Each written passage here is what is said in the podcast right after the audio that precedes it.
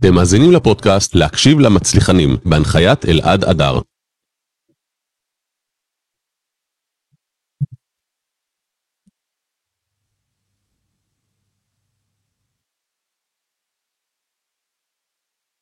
אודי, בוקר טוב, מה העניינים? יותר נכון, צהריים טובים כבר, נכון? כן, צהריים, בוקר, קודם כל כן, טוב, כבר תלוי טוב. באיזה מדינה, נכון? כן. אתם אחרי הכל ב-50 מדינות, אז אה, תלוי איפה אנחנו מדברים. כן, אזורי הזמן לפעמים, אתה יודע, משתנים לנו. יש לנו לפעמים עבודה עם אה, החבר'ה בארצות הברית, ואז אתה מתחיל את היום אה, מאוד מאוחר בערב. המטה שלכם זה בארצות הברית? לא, המטה יושב בצרפת. זו חברה בעצם צרפתית במקור, סיפור מאוד מעניין, על חברה שקמה מבן אדם אחד, שהקים ממסעדה אחת אה, לפני 60 שנה. הוא נפטר לפני חצי שנה, איש וואו. מלא מלא עד איזה גיל הוא vision. עבד? האמת היא, לדעתי עד 92, ממש שהוא נפטר. הוא היה מגיע למשרד אה, והקים את החברה מתוך אה, vision מאוד מעניין, שאומר שאם אני, אה, איך אני אמשוך אנשים אליי למסעדה? הוא הקים את זה ממסעדה אחת במרסיי. תראה סיפור מדהים. איך אני אמשוך אנשים אליי למסעדה? אם אני אתן להם quality of time, מזה זה הפך להיות quality of services, ובעצם כל מה שאנחנו רוצים לעשות, זה לעשות, לשפר את איכות החיים של העובדים של הלקוח שלנו. והיום... של העובדים של הלקוח. של הלקוח. יפה. עכשיו, היום זה מאוד מוכר שאם אתה משפר את האיכות חיים של העובדים שלך, אתה משפר את הפרודקטיביות של החברה, ובכך אני בעצם עוזר לתוצאות של החברה להתקיים וליעדים של החברה. אבל הנקודה המאוד מאוד מעניינת היא שהוא הבין שהוא התחיל בתחום ההסעדה, הוא אמר, אוקיי, בהפסקת הצהריים אני אתן להם הפסקה נעימה ויהיה טוב, אבל משם הוא הבין שכשהם חוזרים. לקו הייצור, כשהם חוזרים למשרדים שלהם, אם המקום לא יהיה נקי והתאורה לא תהיה נכונה והמיזוג לא יהיה נכון, אז כל ה-quality of life שלהם ירד חזרה, ואז הפרודקטיביות תיפגע. ואז הוא אמר, רגע, אני לא יכול להישאר בשירות אחד שנקרא הסעדה, אני אצא לכלל השירותים. ובעצם אנחנו היום מספקים כמאה שירותים שונים, שכולם יש להם רק מטרה אחת, לשפר את איכות החיים של העובדים. 100 שירותים? 100 שירותים שונים. בעצם, אם תיקח את, גם פה בישראל, אנחנו הרי לא חברת הסעדה בלבד, אנחנו חברה שמספקת שירותי הסעדה, ואנחנו מספקים גם שירותים שנקראים Facility Services, או מה שנקרא שיפור, אה, אה, החזקת מערכות, מיזוג, חשמל, אה, Reception, אה, מה Landscaping, שהרחבתם את ה... שיכול לתת חוויית שירות טובה יותר. לעובדים. לעובדים של הלקוח. שלכם. נכון. ועוד דבר מדהים שהוא אמר מההתחלה, אם אני רוצה לשפר את האיכות חיים של העובדים שלך, אני חייב קודם כל לשמור על האיכות חיים של העובדים שלי. מדהים. ועם כל המילה של ה client, אה, קל- ה client במרכז, שאנחנו מכירים את זה, וזו תפיסה מאוד מוכרת בכל העולם, הוא אומר, בתחום השירותים, אני חייב להתחיל עם העובדים שלי, עוד לפני ה clients. ואנחנו תמיד אומרים, הלקוח הוא במרכז, הלקוח הוא אז הוא אומר, במרכז. קודם כל עובדים במרכז, ואם הם יהיו מרוצים, הם יעשו את הלקוחות שלנו מרוצים. נכון, ואם אני אתן לך את השתי דוגמאות הכי בסיסיות, עם תחום השירותים שאני מתעסק בהם, זה תחום ההסעדה, אז אתה יודע שאם אני אגיש לך צלחת עם פנים חמוצות, גם אם זה קינוח, אתה תחשוב שזה חמוץ. נכון. קודם כל אתה תחשוב שהטעם יהיה חמוץ, אבל זה בכלל קינוח, זה מתוק. אבל אני, הפרצוף שלי חמוץ. ולכן האנשים, הצוות שלנו המדהים, שהוא בטאצ' פוינט, כשהוא זה שנותן את השירות בפועל, זה דבר שהוא קריטי לנו, שאיכות החיים שלו תהיה גבוהה. עכשיו, איכות החיים זה לא רק משכורת. איכות החיים מתחיל בכבוד היומיומי, הבסיסי, בהתייחסות, בבניית צוות נכון, צוות אה, מגוון, צוות מכיל. כמה עובדים יש לך היום בצוות? היום יש לנו 1,700 עובדים בישראל. וואו, רק בישראל 1,700 עובדים. כן, 1,700 עובדים היום בישראל. זה אחריות אדירה, אתה יודע, אני... פעם שאלו אותי, מה הדבר שהכי מדיר שינה מעיניך? אז הדבר היחיד שמדיר שינה מעיניי זה אחריות על 1,700 משפחות. משפחות. זאת אומרת, אתה מקבל החלטה, ואתה אומר, ההשלכה שלה היא לא עליך רק. כשאתה פרילנסר, כשאתה עצמאי, אתה אומר, אני קיבלתי החלטה, אני אשא בתוצאות, הכל בסדר. פה אתה מקבל החלטות שמשפיעות על 1,700 משפחות ומעגלים נוספים. אז אודי, יש לי שאלות בדיוק לגבי זה, אבל לפני זה קפצנו ישר לעניינים. אולי כן. רגע תציג את עצמך ב-60 שניות, שימול. אז אודי בן שימול, אני בן אה, 50, אה, גר בקריית אתא. כל חיי גדלתי וצמחתי בקריות, אני ילד בקריית ים, אחר כך עברתי לקריית אתא, אבל אני כל החיים עבדתי במרכז. אה, וזה מין אה, אה, דואליות כזאת, שמאוד מאפיינת אותי בעוד דברים. אני רץ על ריינג'ים מאוד רחבים. נשוי, הרבה שנים, עם איילת, שהיא בעצם העוגן שסביבו כול סובבים בבית, וארבעה ילדים. ארבעה. ילדים, כן, מדהימים. וזה, ותשמע, בסוף אתה עושה קריירה, אתה עושה כסף, אתה עושה זה, אבל הדבר היחיד שנשאר אחריך זה לא קריירה ולא הכסף. נכון. זה המשפחה, ואתה יודע שאומרים שאתה בחיים אתה מגלגל הרבה כדורים בידיים, אנחנו מקפיצים, עוברים מנושא לנושא אה, בכל תחומי החיים שלנו, אה, ויש כמה כדורים שאנחנו פשוט לא, לא מבינים עד כמה הם אה, שבירים, עד כמה הם מזכוכית, כמו כדור של משפחה, כדור של בריאות, וכדורים נוספים, כדור של ערכים, שעוד נדבר על זה גם שקשור מאוד מאוד בביזנס. אה, וזה דברים שמאוד מאוד צריך לשמור עליהם, וזה חשוב לי אני מאוד. בתור אב לחמישה, אני פשוט לא הלך לי בת עד אחרי ארבעה בנים, אה. לקח לי זמן, יש לי אליבי טוב. תמיד שואלים אותי לרוב יחד עם זה אם אה, או אני גרוש או הייתי דתי. כן. אז, אז לא.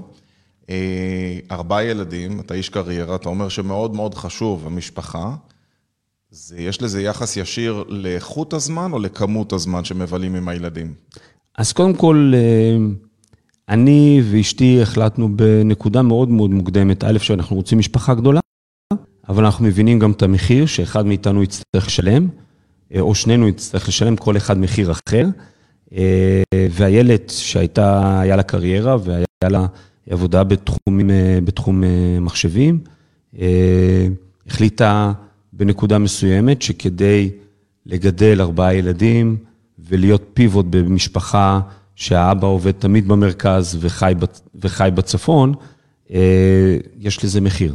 וגם אני שילמתי מחיר. אני שילמתי מחיר, והיום האמת היא שכשהם גדלים, אני מנסה, ויש לנו גם יותר את האפשרויות, אז אני מנסה קצת להעביר יותר זמן איתם, קצת איכות יותר גבוהה, אבל קשה לומר שהייתי, אה, שהצלחתי ב- לתת את הזמן שרציתי לתת להם בתקופה שהיינו צעירים, אה, ולכן בסוף אתה מקבל החלטות, וגם ברמה הזו של המשפחה וגם ברמה של העבודה, ויש להם מחיר. אתה צריך להכיר מחיר, ואתה צריך כמובן לנסות אה, למזער את הדברים הפחות טובים שלו. מה היית עושה בדיעבד שונה? אמ, אני, אני פחות אוהב שאלות של בדיעבד. אני אגיד לך למה. אי אפשר כבר לשנות את זה. אבל אה. זה בשביל עצה, אתה יודע, יש פה חבר'ה צעירים שעוד אין להם ילדים. ואם אתה אומר שאתה היית שמח שהיה לך יותר, אז אני אומר, אני שואל את השאלה הזאת בשבילהם. אז, אז, אז אני, אני מאמין שזה קוראים של, של הסרט דלתות מסתובבות, שאני מת על הסרט הזה, כי הרעיון הוא שאם הייתי עושה משהו אחר בתהליך, האם הייתי מגיע לאותה נקודה, אז כנראה שלא הייתי מגיע לאותה נקודה. עכשיו, לאו דווקא שהייתה נקודה יותר טובה או פחות טובה, אבל היא נקודה אחרת.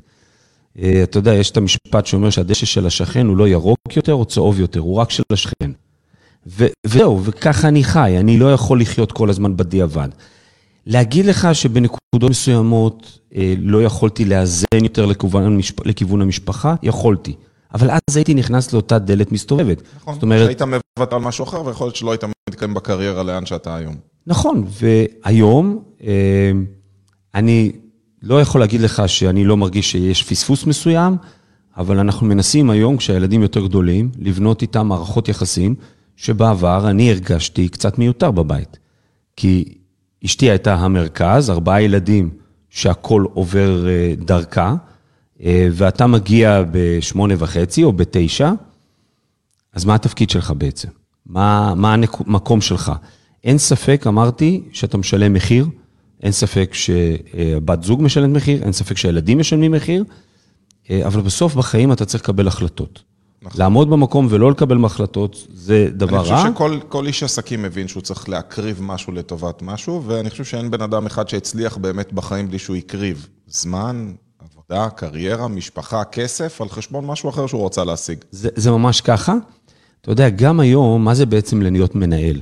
מה זה בעצם להיות מנהל? אתה מקבל שתי אופציות, אתה מכיר את זה, באים אליי עם איזה בעיה, בדרך כלל זה עם שני אקדחים. אקדח לרקה הימנית ואקדח לרקה השמאלית. ואני תמיד אומר להם, חבר'ה, מה זה משנה מה אני אחליט? הרי בסוף אני אמות, כי אחד האקדחים יירה, ואני כבר לא אחיה אחרי זה לראות מה התוצאות של ההחלטה, אז מה זה כבר משנה? כשמביאים לי שתי החלטות, או שתי נקודות, שאו יורים פה, או יורים, עזבו, תראו במה שאתם רוצים, תחליטו מה אתם רוצים, זה לא מעניין. אני תמיד אומר, תביאו לי את האופציה השלישית. האופציה שהאקדחים הם חשובים והם קיימים, אבל אנחנו מצליחים לייצר מצב ששניהם לא הורגים אותי. אותי, את הארגון, אתכם, כמקבלי ההחלטות, וזה הקטע של ניהול שאני תמיד אומר, ואתה יודע, גם שמעון פרס אמר, אה, שמעון פרס הגדול מכולם, שהוא, אני מעריץ שלו, היה, היה אומר שכשמביאים לו שתי אופציות, הוא אומר, תביא את השלישית. Mm. אבל תמיד מביאים לך שתי אופציות, או לראות מצד הזה, או לראות מהצד הזה, ואני תמיד מחפש ומבקש למצוא את האופציה השלישית, שאף אחד לא ימות בסוף. כי אנחנו לא רוצים להרוג אף אחד בהחלטות שלנו. כמה זמן אתה בתפקיד? אז אני משלים עכשיו עשר שנים, עשר שנים בתפקיד בסודקסו, זה תפקיד ראשון שלי כמנכ"ל. אה, עשיתי שני תפקידים אה, קודמים כסמנכ"ל כספים. בסודקסו או בחברות לא, אחרות? לא, בחברות אחרות, אבל תמיד בתחום השירותים. זאת אומרת, אני, הקריירה שלי התחילה שהייתי בכלל במשרד רואי חשבון, בדלויט, והחלום שלי היה להיות שותף במשרד רואי חשבון. זה היה החלום שלי, זה היה ה vision שלי, זה היה, כתבתי את זה בתוכנית עסקית שהכנתי לעצמי. עם הפולניה? אמ, תראה, אני פולניה, קוראים לי בכל מקומות העבודה. אבל בעדה אנחנו מרוקאים, משני הצדדים. אבל יש לי התנהגות של פולניה, יש לי אה, נונים של פולניה טובה. אה, אני נקרא פולניה בכל מקום עבודה, זה כינוי שהודבק לי שנים, שאני אהיה פולניה. איך מגיעים מזה שרוצים להיות שותף במשרד רואי חשבון למשרת מנכ"ל? אתה, אתה כל הזמן אה, מתאים את עצמך לשינויים. זאת אומרת, וגם זה משפט, אם תראה את כל, הש... את כל המצגות שלי ב-15 שנה האחרונות, ואתה תגלה שיש כל מיני דברים אצלי שהם כאילו תקועים, נראה כאילו הם תקועים, אבל יש משפט אחד שמסיים כל מצגת אצלי 15 שנה, שזה אומר, המשפט של דרווין, שאומר שזה לא הזן החזק ביותר ששרד, לא הגדול ביותר, ולא כל זן אחר ששרד, זה רק זה שהתאים את עצמו לשינוי. מדהים. וזה, בשבילי, זה היה, זה דרך חיים. אה, להבין שהתחלתי במסלול להיות שותף במשרד רואי חשבון, נקודה מסוימת, משהו השתנה במשרד, משהו השתנה במשרד, אני עשיתי התאמות להחלטות שלי, עשיתי התאמות להחלטות, יצאתי לצד השני. מה זה אומר לצד השני? כי כשאתה במשרד רואי חשבון, לרוב אתה מייעץ לאחרים. אתה מכיר איזה יתרון זה בייעוץ, אתה גם עוסק בייעוץ. כן. אז אם זה מצליח, זה הייעוץ שלך, ואם זה לא מצליח, המטומטמים לא הבינו כלום. ואתה... או לא יישמו. או לא יישמו, כן. כן. אני אמר, הם לא, לא, באמת, הם ממש לא, לא תפסו. הטמיעו את החומר. לא הטמיעו את החומר.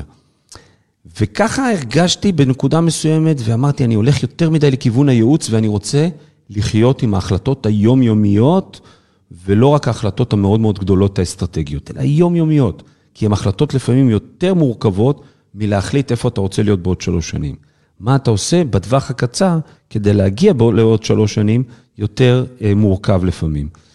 ואז עברתי להיות סמנכ"ל כספים בחברת שירותים אה, עם 4,000 עובדים, ומשם התחלנו עם 2,000 וסיימנו עם 4,000, ואז נמכרנו לחברה בינלאומית שנקראת ISS, שם הייתי עוד חמש שנים, ובשיא היינו 12,000 עובדים.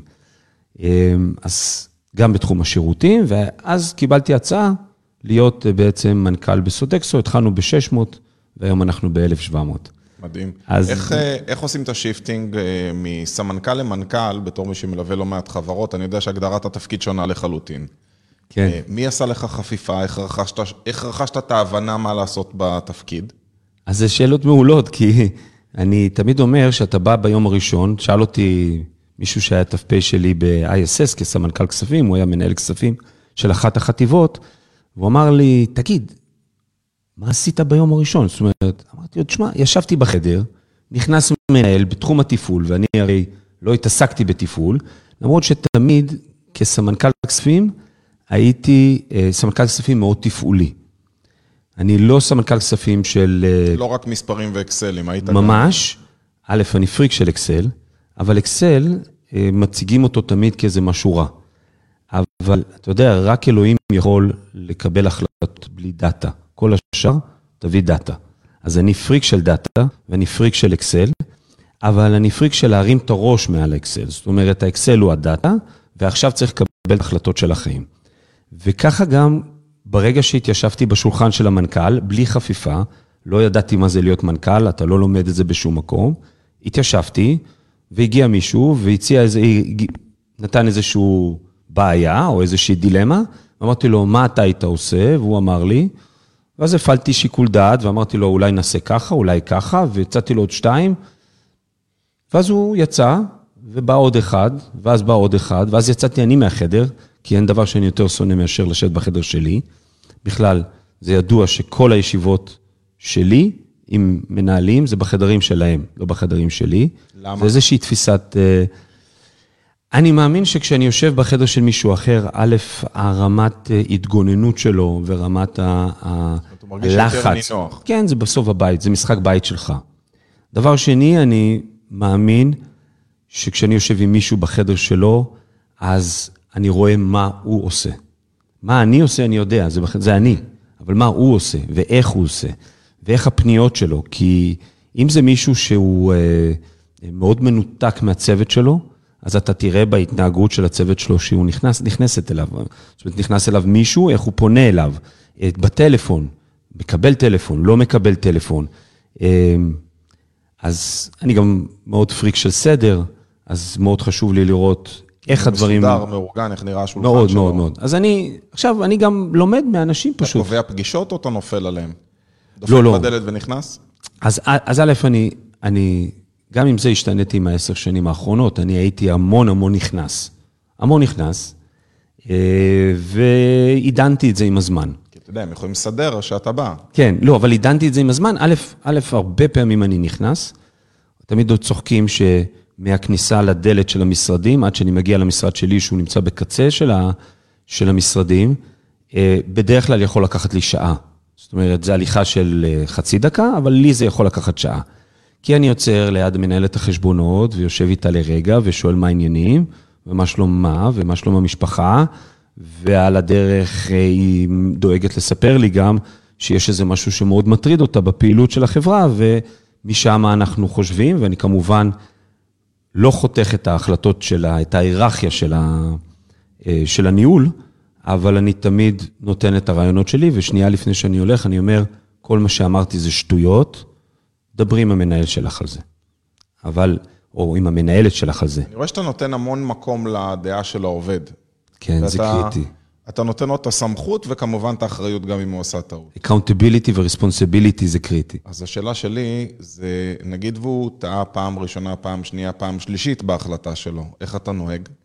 אז זה תהליך גם שעברתי אה, בשנים האחרונות, ואפילו כתבתי על זה פעם איזשהו מאמר, שזה נקרא איך קיבלתי את ההחלטה הזאת. אני מנסה להראות בארגון, שלקב... מה שדיברנו על בדיעבד.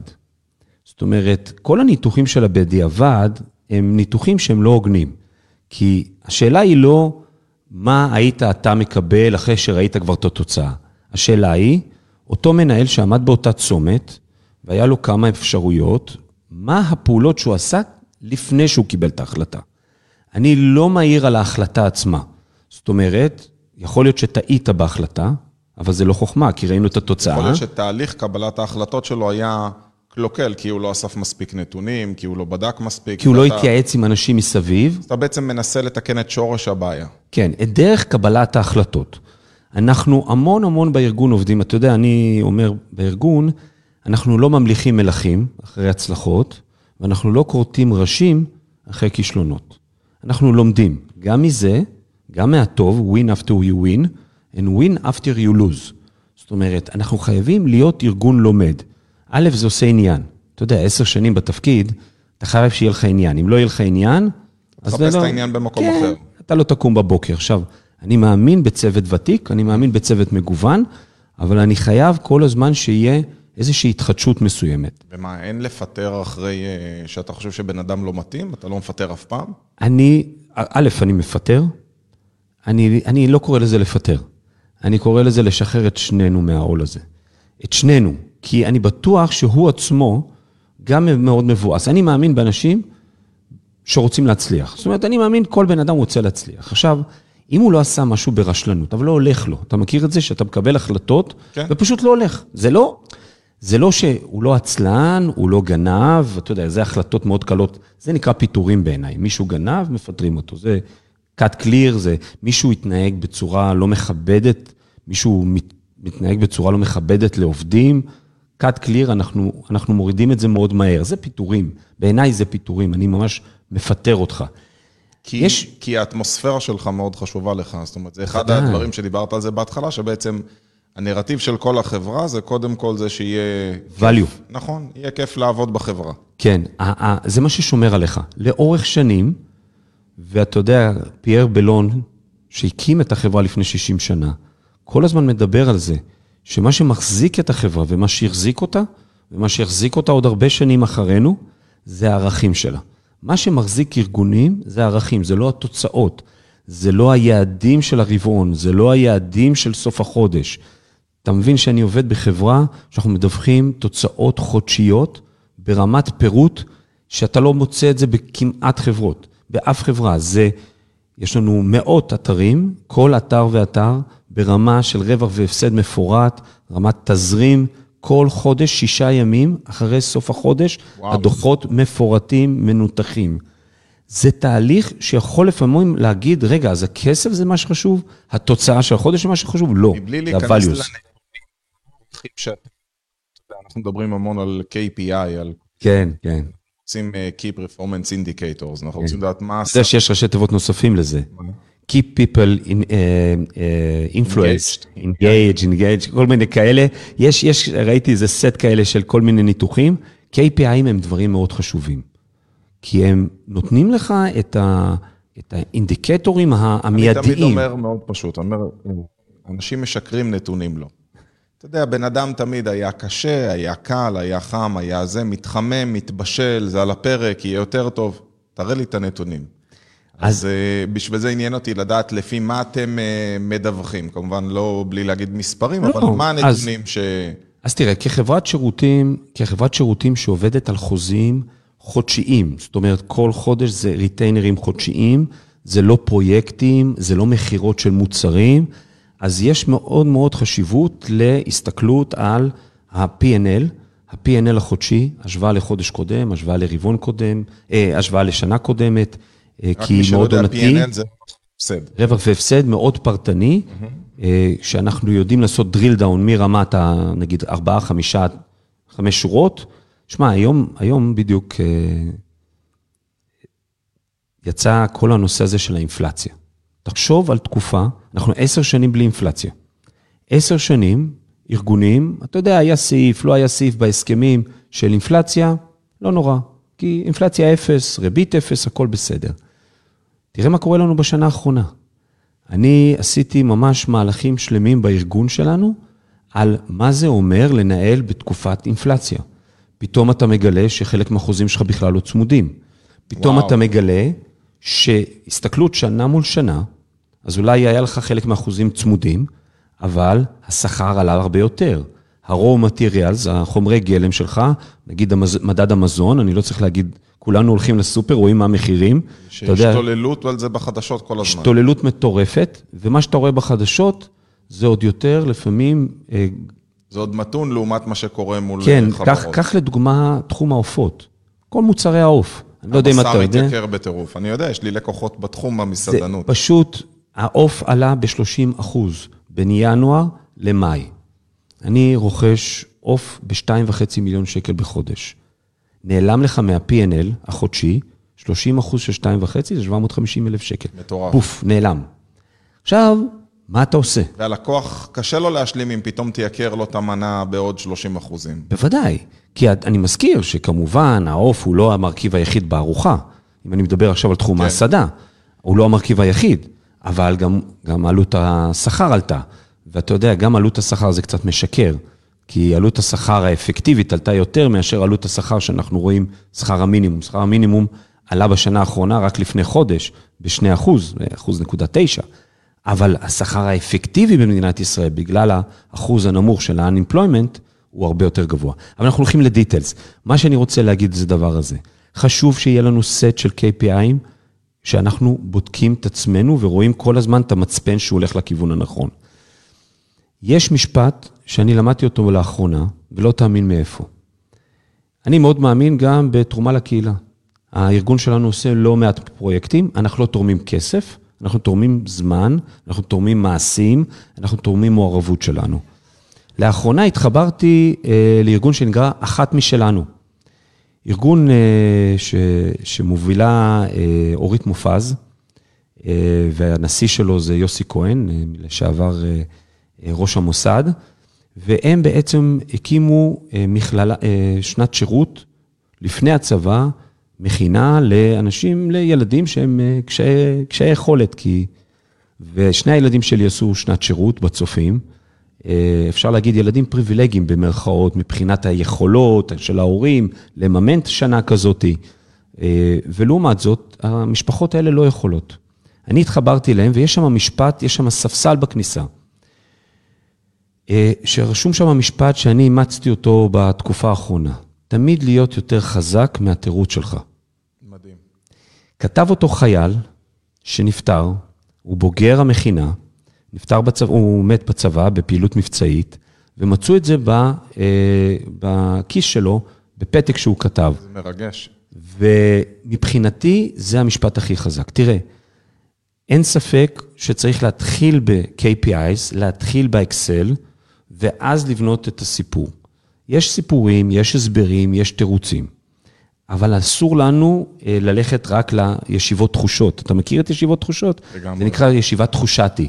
לכל אחד מאיתנו יש תחושות. אתה חש ככה, אני חש ככה. אני לא עושה פגישות בלי נתונים, כמו נכון. שאתה אוהב נתונים, כי אחרת אתה מטפל רק בתחושות, והתחושה שלי ושלך היא שונה עכשיו לגבי החום בחדר, וזה לא אומר שמישהו מאיתנו טועה. ממש. ולכן אני מעדיף נתונים. נכון, אבל אנחנו צריכים לזכור שנתונים יכולים להיות, וכמומחה אקסל, ואתה מומחה גם לנתונים, אתה יודע שאני, תגיד לי לאיזה תוצאה אתה רוצה שאני אגיע, אני אסדר לך את הנתונים בהתאם. ולכן העקביות של שיטת המדידה, בין חודש לחודש, בין חוזה לחוזה, היא דבר מאוד מאוד קריטי.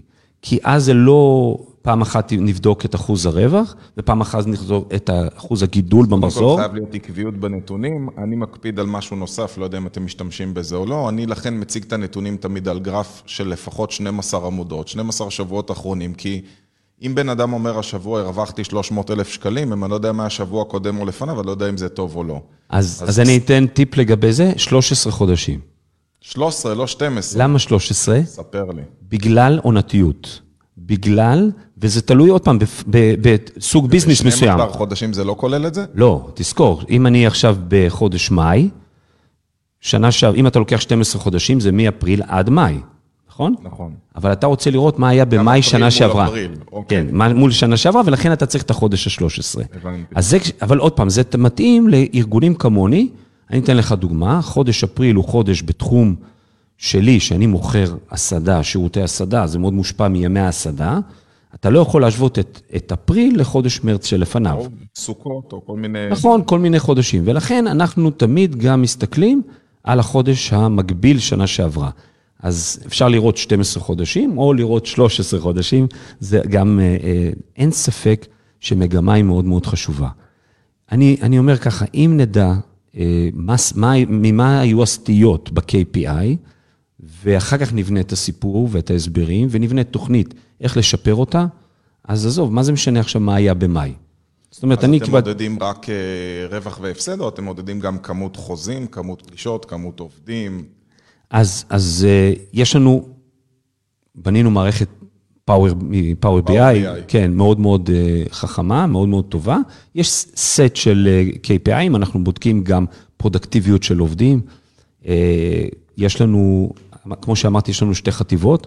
חטיבה אחת זה חטיבת ההסעדה, וחטיבת אחת, זה חטיבת ההחזקה.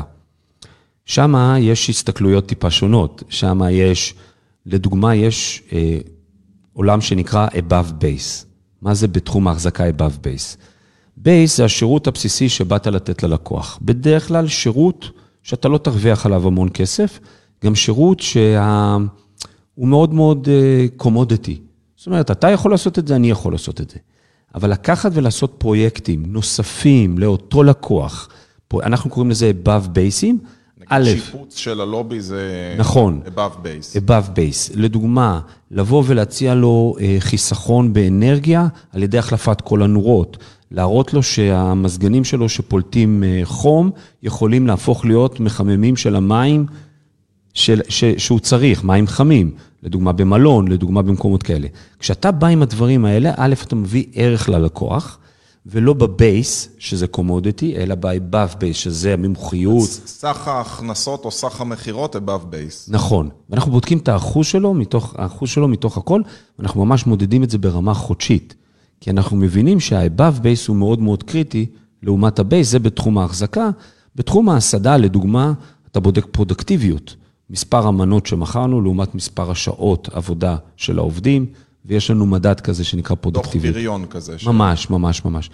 גם זה מאוד מאוד דרך חשוב. אגב, חשוב לחדד למי שעוקב ואולי לא שם לב, שימו לב שהוא אמר לא לפי כמות העובדים, אלא לפי השעות. כי בעצם נכון. אתה צריך לעבוד עם תקציבי שעות, שעות אל מול תקציב הכנסות או מכירות, ממש. וככה אתה בעצם יכול לחשב את המשמרות נכון. כי הרבה אנשים מחשבים את זה לפי כמות האנשים, מה שהם לא מבינים שאפשר גם לשחק עם זה. נכון, Head Counts.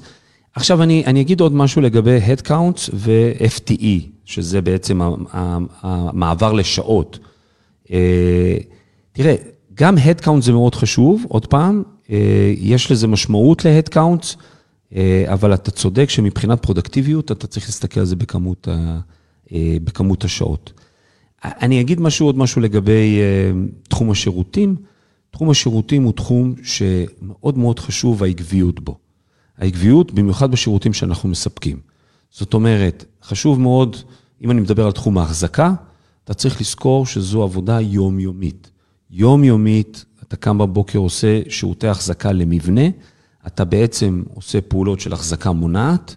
תחשוב מה זה החזקה מונעת. החזקה מונעת זה הדבר הכי כפוי טובה שיש. נכון, כי לא מעריכים את זה בעצם. זה לא מדיד מבחינת הלקוח. אתה לא רואה את התוצאה. נכון. אתה לא רואה את התוצאה. זה כמו צחצוח שיניים. אתה מכיר את זה. אני אגיד לך, יש לי לקוח שעוסק בתחזוקה מונעת אה, בתחום אה, בטיחות בעבודה. הוא מלווה היום לכל בניין, יש בעצם אה, מלווה כזה. נכון. אחת הבעיות שלו להחזיק ריטיינרים הייתה שהוא אומר, תשמע, לקוחות, לא קורה כלום, אז הם חושבים שהם לא צריכים אותי, הם לא מבינים שלא קרה כלום כי אני הייתי. נכון. וזה מצחיק, אבל מה שעשינו, יצרנו לו שירות של תיעוד אירועים שקרו, או כמעט שנפגע. כן. קח את זה גם. אני לוקח הכל, מתעד ברמת תמונות מהשטח, אנחנו שולחים ממש סוג של סוקר שממלא דוח, ואנחנו שולחים ציון של האתר שבו היינו, עם מה בדקנו, איזה נקודות ואיזה ציון קיבל מנהל האתר של אותו, כי אני עשיתי את הבדיקה, ופתאום אומרים, וואו, איזה מזל שאתם שם. אותו דבר. ממש. סך הכל הוספנו חיווי, יש חיווי לדבר הזה. אז, אז זה אחד הדברים, איך אתה מראה ללקוח את יצירת הערך, ה-value proposition שלך. נכון. זה מאוד מאוד קריטי, כי בתחום השירותים, וכמו שאתה אומר, אני רק אפתח סוגריים רגע לגבי בטיחות. בטיחות של העובדים שלנו זה דבר מאוד מאוד חשוב. אם דיברנו לפני זה, איך אתה משמר עובדים, איך אתה משפר את איכות החיים שלהם, תחשוב על זה שאתה דואג לבריאות של העובדים שלך. אתה יודע שאני אני מדגיש את הנקודה הזאת עוד לפני שאני מדבר על בטיחות של העובדים של הלקוח, על הבטיחות של העובדים שלי. זאת אומרת, מה שווה ה-1,700 עובדים וה, והמחזורים וכל התפקיד שלי, אם בסוף אחד מה-1,700 חוזר הביתה, לא בצורה שבה הוא יצא ממנה. זה, זה- זה, זה הלחץ הכי גדול שלי. הלחץ הכי גדול שלי זה הלחץ הזה. יותר מהכסף, יותר מהגבייה. ואני במקרה הייתי בסיטואציה, מחר את אותו לקוח, הייתי בסיטואציה שאני לא אגיד מה, אבל אחד הלקוחות שלו פועל נהרג להם באתר. תקשיב, זה אירוע שאין בן אדם בעולם שהיה רוצה להיות בסיטואציה, שאתה בעלים של חברה, וזה לא משנה שאתה לא היית אחראי איך אותו עובד יתלבש באותו יום, ויכול להיות שאתה לא, בטוח שאתה לא המנהל שלו, ויש מנהל, ומעליו עוד מנהל, ומעליו סמנכ"ל. ו- אבל להיות בן אדם שאתה בעלים של חברה שעובד נהרג, עזוב נהרג, ירדה לו אצבע. אחד הדברים המזעזעים ביותר שיכולים להתמודד איתם. ואז אתה חי עם השאלה, מה עוד יכולתי לעשות? ואני כל הזמן מתחבט בשאלה הזאת, כל פעם שיש תאונה, וגם... אז רק אני אפתח סוגריים לגבי הנושא של הלקוח שלך. הנושא של כמעט ונפגע, דיווחי כמעט ונפגע, זה תרבות שהכנסנו בשנים האחרונות. לא הייתה תרבות כזאת בישראל. בישראל היה, היה תאונה, היה תחקיר, מגניב. אבל מה עם תרבות של לדווח על כמעט ונפגע?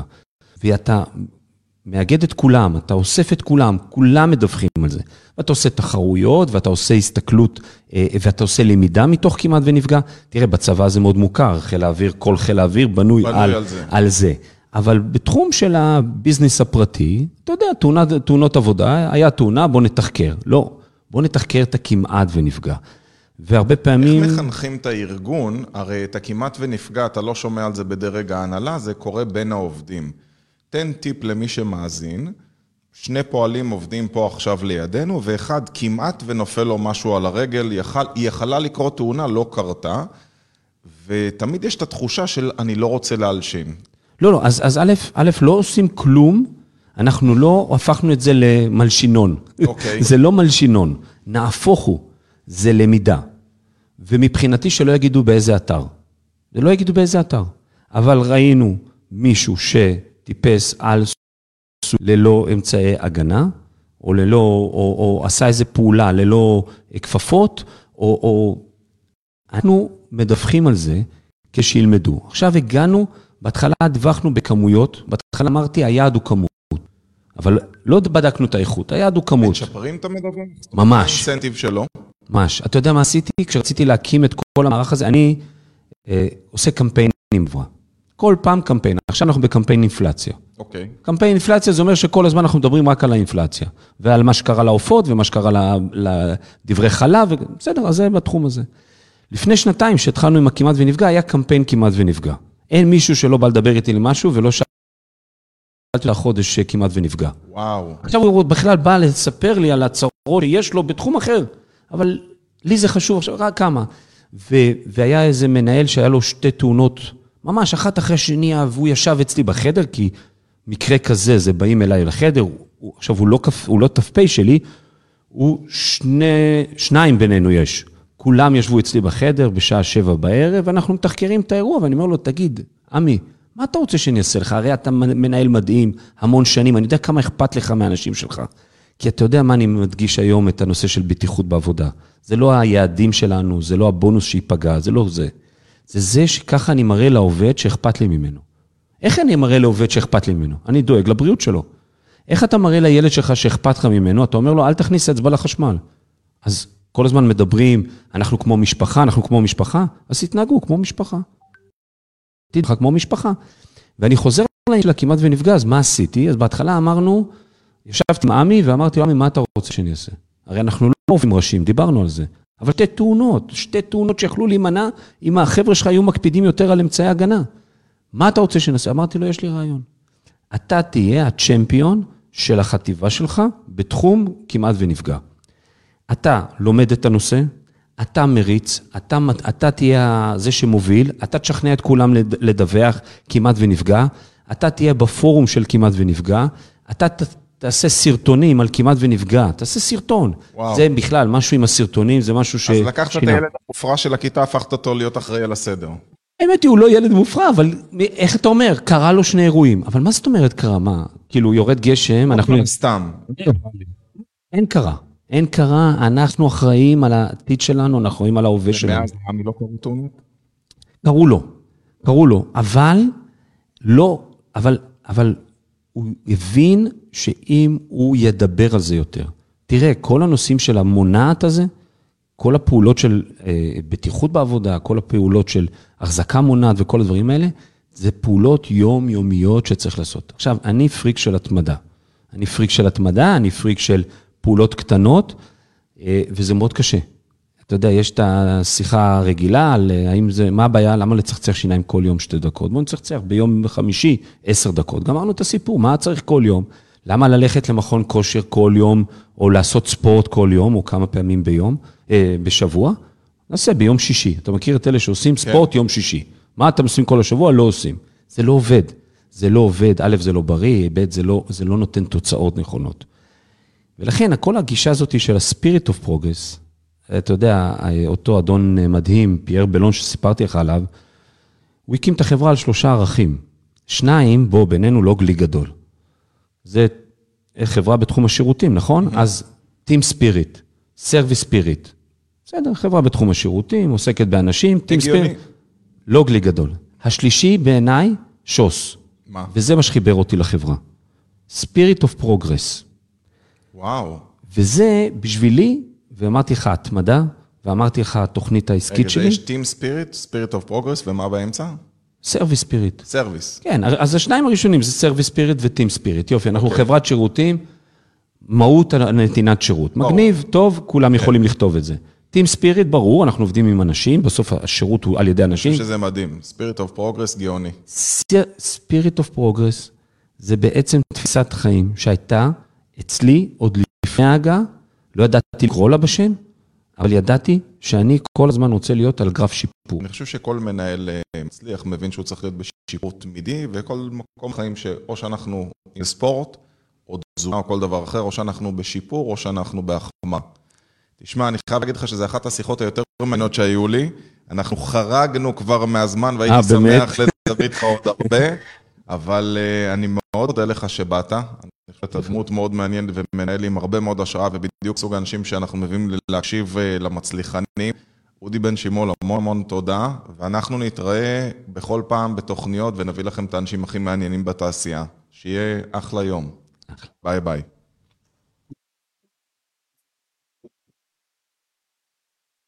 אתם מאזינים לפודקאסט להקשיב למצליחנים, בהנחיית אלעד אדר.